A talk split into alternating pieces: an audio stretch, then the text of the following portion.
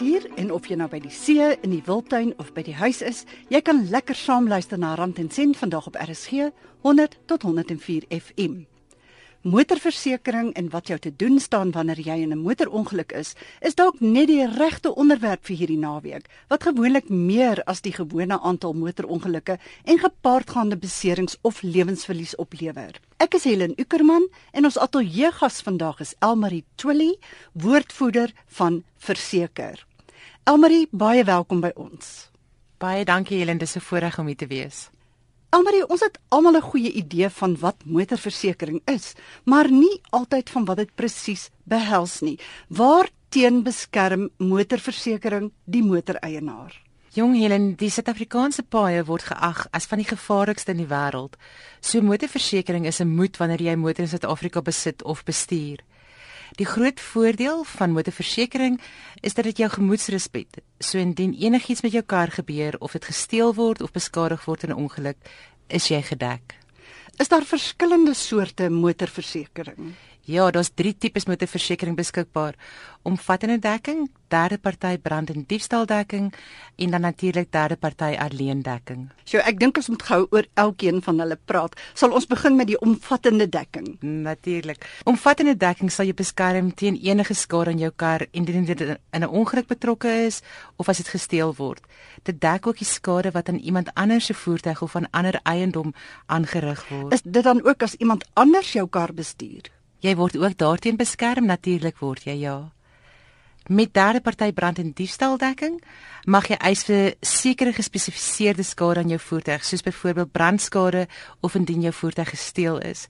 Met hierdie tipe dekking word ongelukskade aan jou voertuig nie gedek nie, maar die skade wat aan iemand anders se voertuig is of eiendom aangerig is, word wel gedek. En dit is meer vir ou voertuie, is dit nie? Ja, ons beveel aan maar vir meer vir voertuie wat wat nie gefinansier is nie. Wat nie gefinansier is nie. So dit maak nie eintlik saak hoe oud die voertuig is nie. Ouderdom maak nie 'n regte verskil nie, maar dit gaan meer oor die finansiering van die voertuig. En wat van derde party dekking? Derde party dekking beteken dat jy slegs kan eis vir die skade wat jy in enige ander party se eiendom of voertuig aangerig het. Hier's 'n lekker wenk wat ek vir luisteraars het. Verskillende versekerings bied verskillende versekeringspakkette aan. So maak altyd doodseker dat jy die voordele wat gestipuleer is deeglik nagaan voordat jy enige ooreenkomste teken. Jy luister na Rand en Sent met Helen Ukerman op RSG 100 tot 104 FM en ons gesels vandag met Elmarie Twilly, woordvoerder vir Verseker, Suid-Afrika se eerste Afrikaanse versekeringsmaatskappy. Ons praat oor motorversekering en ook wat jou te doen staan as jy in 'n motorongeluk betrokke is.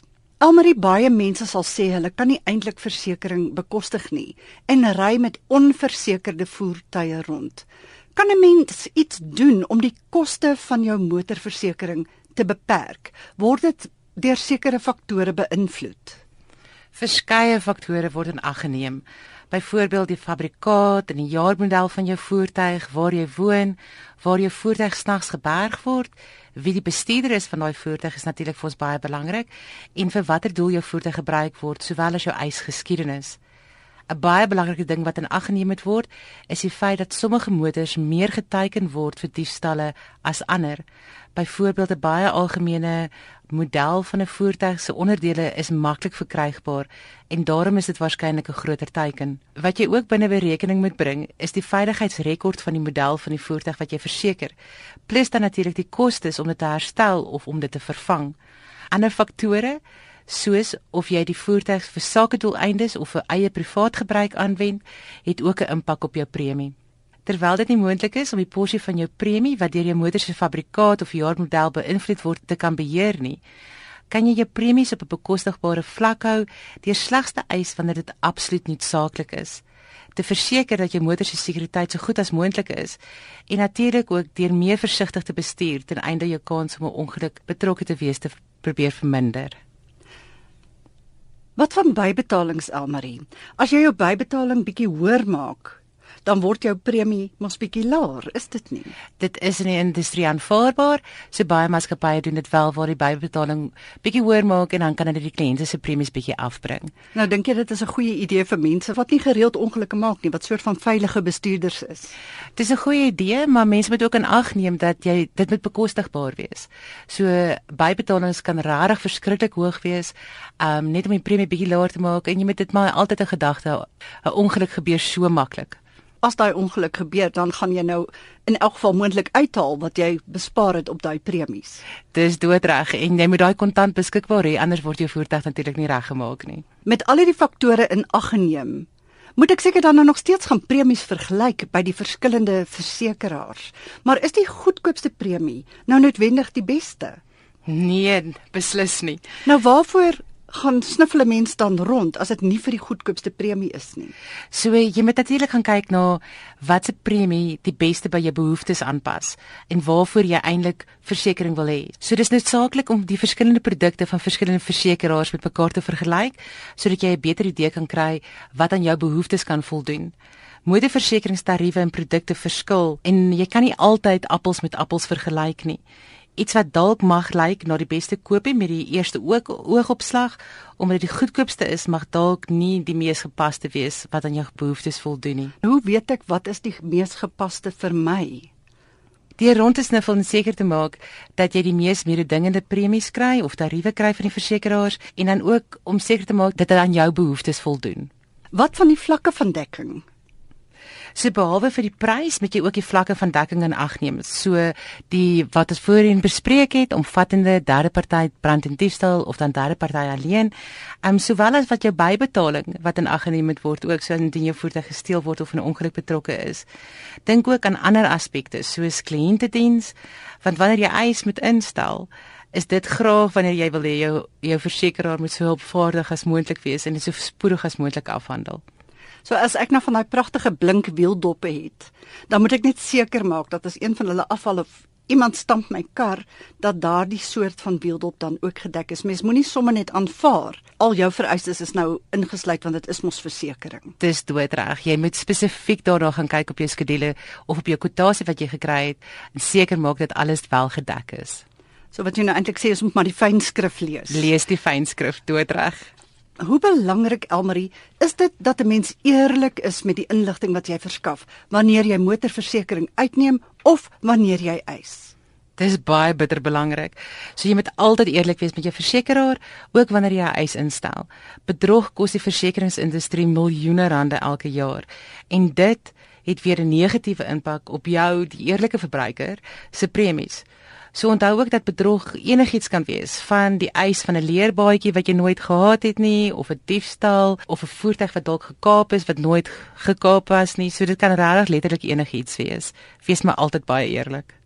Kry jy baie sulke gevalle? Mense wat bietjie van 'n vet kans vat. Ons doen en mense het ook die persepsie dat mens altyd bietjie meer moet voorvra want jy word altyd ingedoen deur die versekeringsbedryf. So ja natuurlik, dit gebeur van tyd tot tyd. Verduidelik asseblief vir ons wat nou gebeur as jy oneerlik is. Wat kan die gevolge daarvan wees? Bedrog kan lei tot 'n kriminele rekord, so baie versekerings sal wel dit 'n uh, saak gaan open teen jou. Ehm um, en ja, hulle vervolg dit.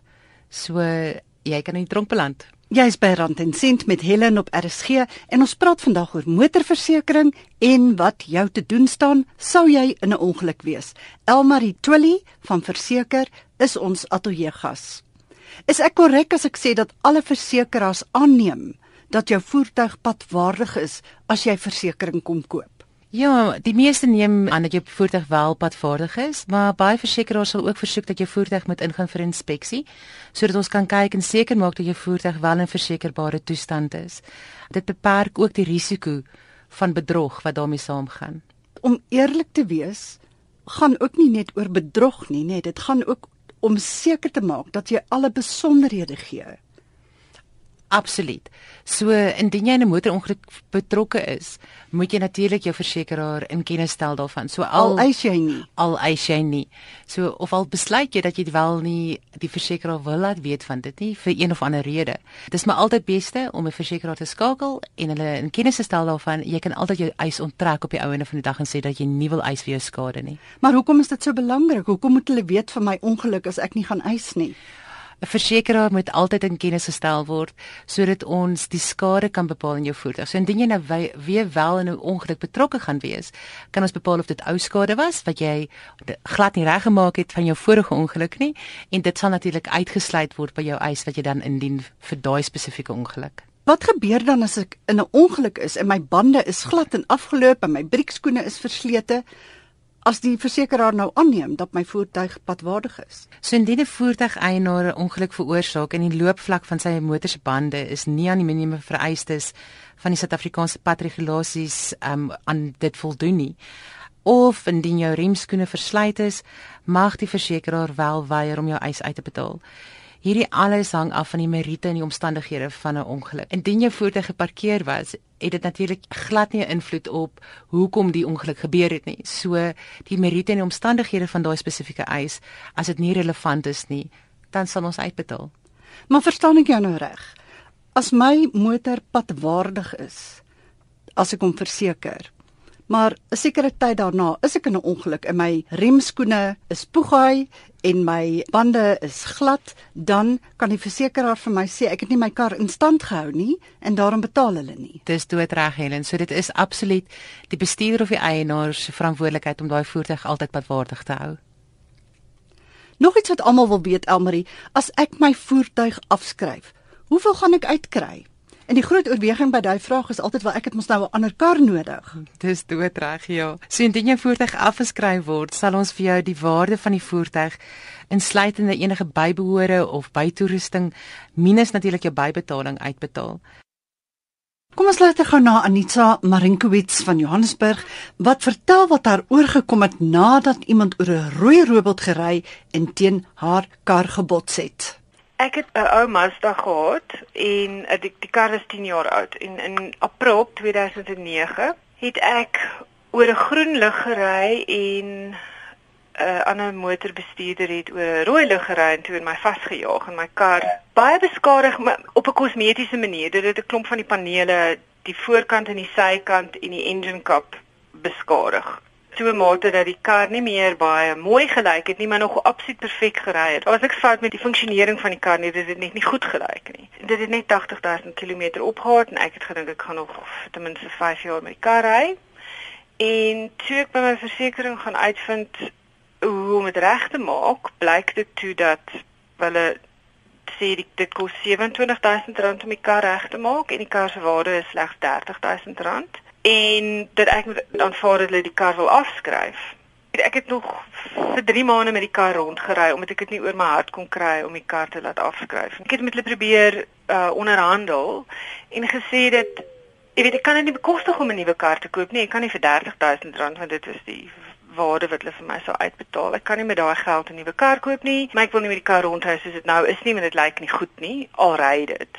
En toe het jy vir hulle gevra of jy nie na 'n goedkoper paneelklopper ja, kan gaan nie. Ja, ehm um, hulle het geweier om dit vir my, jy weet, te laat doen. Hulle het geweier dat ek met hulle onderhandel of tot ehm, 'n uh, ooreenkoms kom wat vir my en vir hulle meer voordelig is. En, en op die einde moes ek hulle betaling aanvaar van R28000 vir hierdie kar van R30000 minus 'n bybetaling. En ek het gedink dat hulle behoort te gesorg het dat die skuldige persoon dit oor 'n rooi lig gery het en erken het hy het oor 'n rooi lig gery.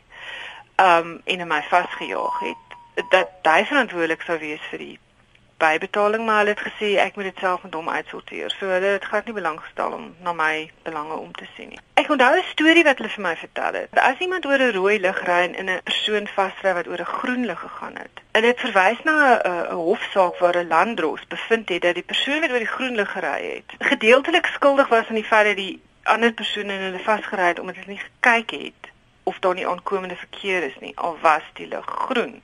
Maar ek dink dit is absoluut skokkend Want ek meen, ek het gevoel ek het geen beskerming nie. Ek het niks verkeerd gedoen nie, maar omdat ek nie gekyk het, want hulle het my gevra, "Het jy gekyk om te sien of daar 'n kar aankom?" Toe sê ek, "Nee, die lig was groen vir my."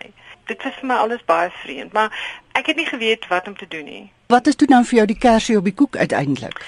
Die kersie op die koek is toe 'n paar maande later is my kerel in Alberton en hy sien toe my souhou daar in die straat geparkeer met die presiese oorspronklike nommerplaat nog op en hy het gesien 'n ander man loop en klim in die kar in. Van die skade is herstel, maar hy het gesien net een van die panele is vervang. So dit lyk vir my die versekeringsmaatskappy het gegaan en my kar verkoop en sonder om dit reg te maak. So dit nie eens veel geld daaraan spandeer nie.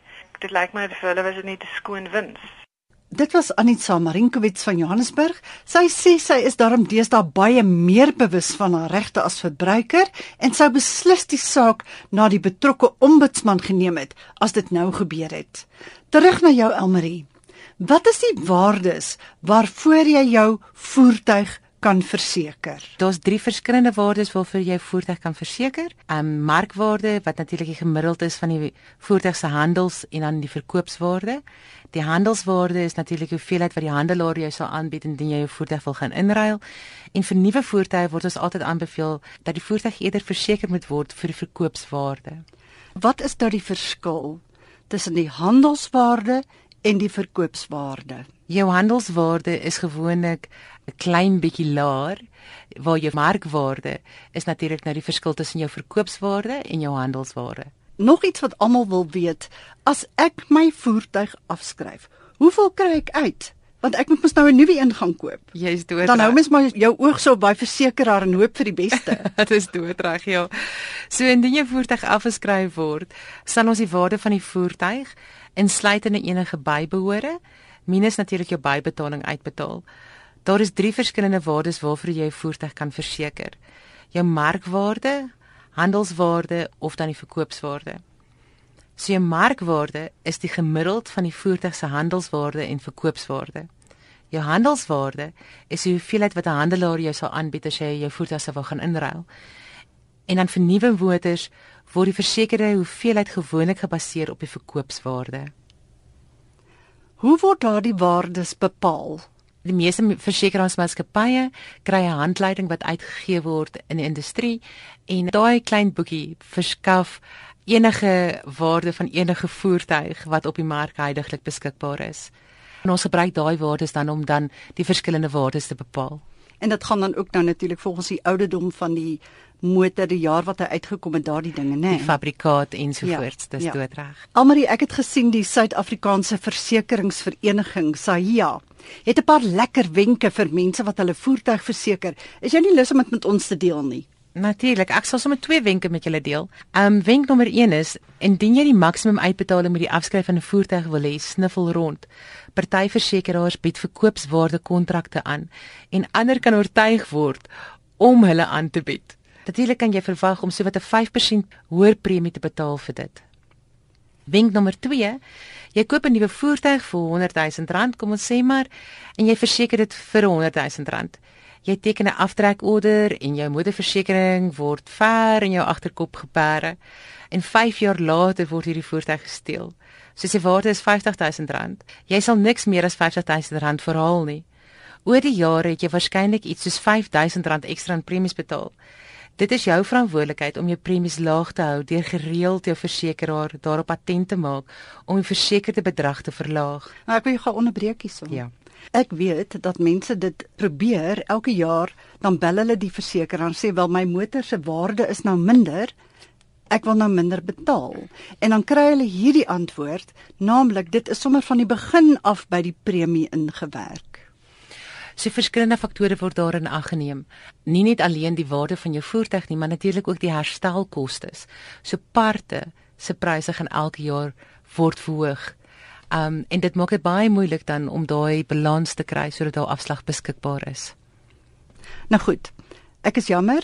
Kom ons gaan aan. Jy het gesê oor die jare het jy dan vir daardie 100 000 rand kar wat jy verseker het vir 100 000 waarskynlik iets soos 5 000 rand in ekstra premies betaal en dit is jou verantwoordelikheid om jou premie laag te hou deur gereeld jou versekeraar daarop attent te maak om die versekerde bedrag te verlaag. Ja, so gesteelde of afgeskryfde voertuig sal gewoonlik 'n uitbetaling van so 90% van die prys verhaal, ehm um, van wat dit jou gekos het.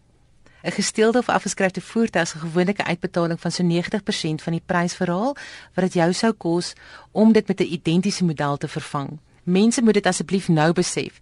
Dit mag jou later baie ontevredenheid en woede spaar wanneer jy glo ingedoen is en jy versekeraar ook spaar van enige onregverdige slagseery. Ons maak 'n punt daarvan om ons kliënte se voertuigwaarde outomaties en op 'n maandelikse basis op te dateer. Nou oké, okay, as jy nou dit sê, julle dat wat dateer julle nou op? So, sê julle nou oké, okay, my kar is nou 'n maand ouer?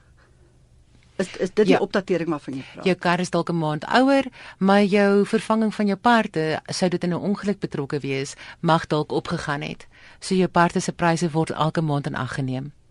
Jy's by Rand en Sent op RSG met Helen en Elmarie Twilly, woordvoerder van Verseker.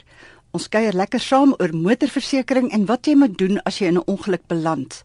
Elmarie, nou ja, wat staan 'n mens nou te doen as jy in 'n motorongeluk was? Voor jy nou nog eis. Nou, op die toneel, wat doen jy? Jong om 'n motorongeluk betrokke te wees is regtig 'n traumatiese ervaring en selfs 'n ligte stampie kan 'n mens baie skuld veroorsaak. So wanneer emosies hoogloop, kan dit moeilik wees om helder te dink. Hier is 'n paar handige wenke vir wat om te doen sodra die stof gaan lê het. Skakel jou noodflikkerligte aan om ander bestuurders te waarsku dat daar wel 'n probleem is. En indien dit 'n ligte ongelukkie is sonder enige besering, skuif die voertuig uit die pad uit van die verkeer maar indien daar ernstige beserings is, moenie die voertuig skuif nie. Kontak dan eerder onmiddellik die nooddienste op 082911 of natuurlik die polisie dienste op 10111. Hoekom moet mens nie die voertuie skuif as daar ernstige besering is nie? Is dit vir die pasiënt? Dis uiteindelik maar vir die polisie dienste so en die daar 'n ernstige besering was dat die polisie nodige bewyse kan kry en die nodige inligting het en die nodige inligting het dis doodreg. Jy moet natuurlik ook hierdie saak aan die polisie gaan rapporteer. Jy moet doodseker maak op die presiese ligging waar jy is. So skryf soveel besonderhede as moontlik van die ongeluk neer, insluitende die besonderhede van ander bestuurder, hulle voertuig, die registrasienommers, die nommers van getuies, getuienis, um, die name van ooggetuies, die datum en tyd van die ongeluk. Maak 'n nota van die straatname waar dit plaasgevind het en dan kontak jy eers jou versekeraar Maar hoor jy, ons het mos nou almal selfone deesdae met groot kameras. Kan ek nie al daai goed afneem nie? Natuurlik kan nie. Die straatnaam, die nommerplate, die manier waarop die voertuie geposisioneer is na die ongeluk, is dit nie baie beter idee nie. 100%. So ja, en meeste van ons selfone deesdae het 'n kamera in, so hoe meer besonderhede en hoe meer getuienis jy kan lewer, hoe makliker gaan jou eis ook wees. Wat doen ek as ek klagtes het oor my versekeraar? Daar is mos 'n ombudsman. Kan jy vir ons sê waar kan ons my hande kry? Ja, die ombudsman vir korttermynversekering kan gekontak word op 011 726 8900. Hulle het ook 'n webwerf vir e-posadres wat info@osti.co.za is. Of jy kan selfs 'n brief ook aan hulle skryf en jy kan die skrywerig aan Posbus 32334 Braamfontein 2017. Wanneer is dit tyd om die ombudsman te kontak Elmarie? Mens moet daarom seker eers probeer om alles as jy probleme het, dit alles eers uit te sorteer met jou versekeraar. Absoluut. Sover as moontlik met die versekeraar te onderhandel of hulle bewus te maak in die eerste plek van jou klagte of jou ontevredenheid en dan van daar af as jy nog steeds nie gelukkig is nie, dan na die ombudsman te gaan. Waar kan ons jou kontak Elmarie of jou maatskappy? Jy kan gerus verseker besoek op www.verseker.co.za of kontak ons by 0860 083 677. Nou goed, kom ons kyk gou. Die ombudsman vir korttermynversekering. Telefoonnommer 011 726 8900 of stuur 'n e-pos aan info@ostie osti.co.za of as jy wil skryf en met slakkepos stuur posbus 32334 Bramfontein 2017 Al die kontakbesonderhede vir verseker is op hulle webwerf www.verseker.co.za of bel 0860 083677. Elmarie baie dankie. Baie dankie en dit was heerlik hier saam met jou vandag. Dit was Elmarie Twillie, woordvoerder van Verseker. Voor ons afsluit, onthou julle kan my volg op Twitter by @HelenUckerman of op Facebook by Rand en Sent Helen Uckerman. Vra ook gerus vrae op Twitter op Facebook en ek sal dit voorlê aan kundiges in die bedryf en in 'n later program bespreek. As jy nie vandag na die volle program kon luister nie of dalk net 'n slag weer wil luister, kan jy hierdie program aflaai van RSG se webwerf rsg.co.za en dit is in MP3 formaat. Dit is Helen wat groet. Dankie vir die lekker saamluister en tot volgende Sondag om 12:30.